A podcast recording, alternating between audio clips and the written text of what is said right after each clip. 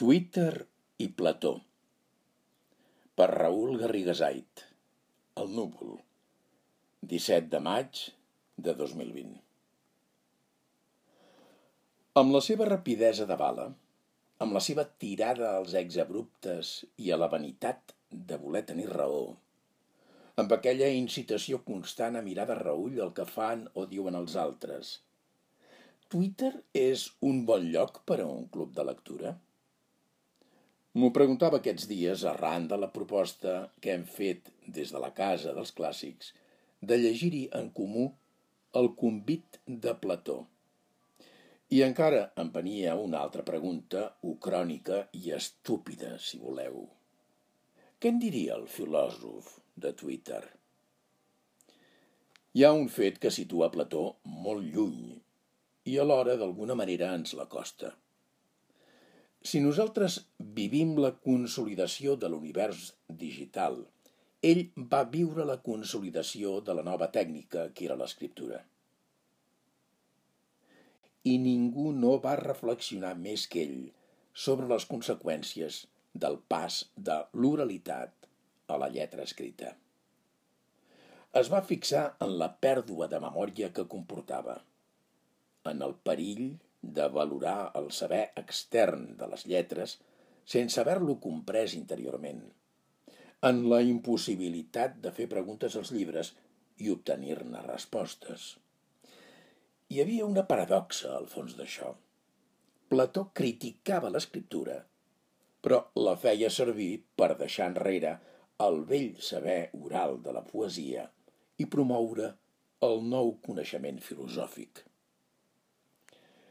Les maneres com el pensador va manipular les lletres per obrir-se pas entre aquells perills són de les coses més innovadores i fascinants que han passat en la història de l'escriptura. El convit posa en escena un deixeble apassionat de Plató, Apolodor, que explica anys després una història que havia sentit quan era un noi. És la història d'un banquet a casa del dramaturg tràgic Agató, on es van fer discursos sobre l'amor.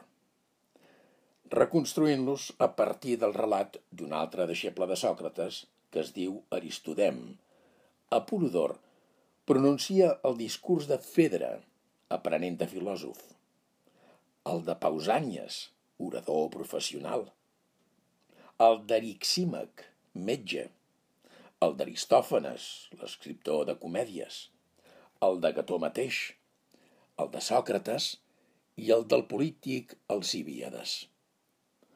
Apolodor explica hores de reflexions, un prodigi de memòria absolutament inversemblant. Quina fiabilitat poden tenir aquestes paraules recordades tants anys després i, a més, transmeses a partir d'un tercer? Però això no és tot. El moment culminant de l'obra és el discurs de la sacerdotessa Diotima de Mantinea, recordat per Sòcrates. O sigui que les paraules que s'acosten més a la veritat són un record llunyà que té Apolodor, d'un record que té Aristodem, d'un record que té Sòcrates, d'unes paraules d'una sacerdotessa nascuda a la terra remota i farèstega d'Arcàdia. No hi ha manera de posar més en dubte les pretensions d'objectivitat de l'escriptura. Si el convit fos una novel·la postmoderna, diríem que aquesta fabulació pretén qüestionar la noció mateixa de veritat. Però Plató no vol fer això.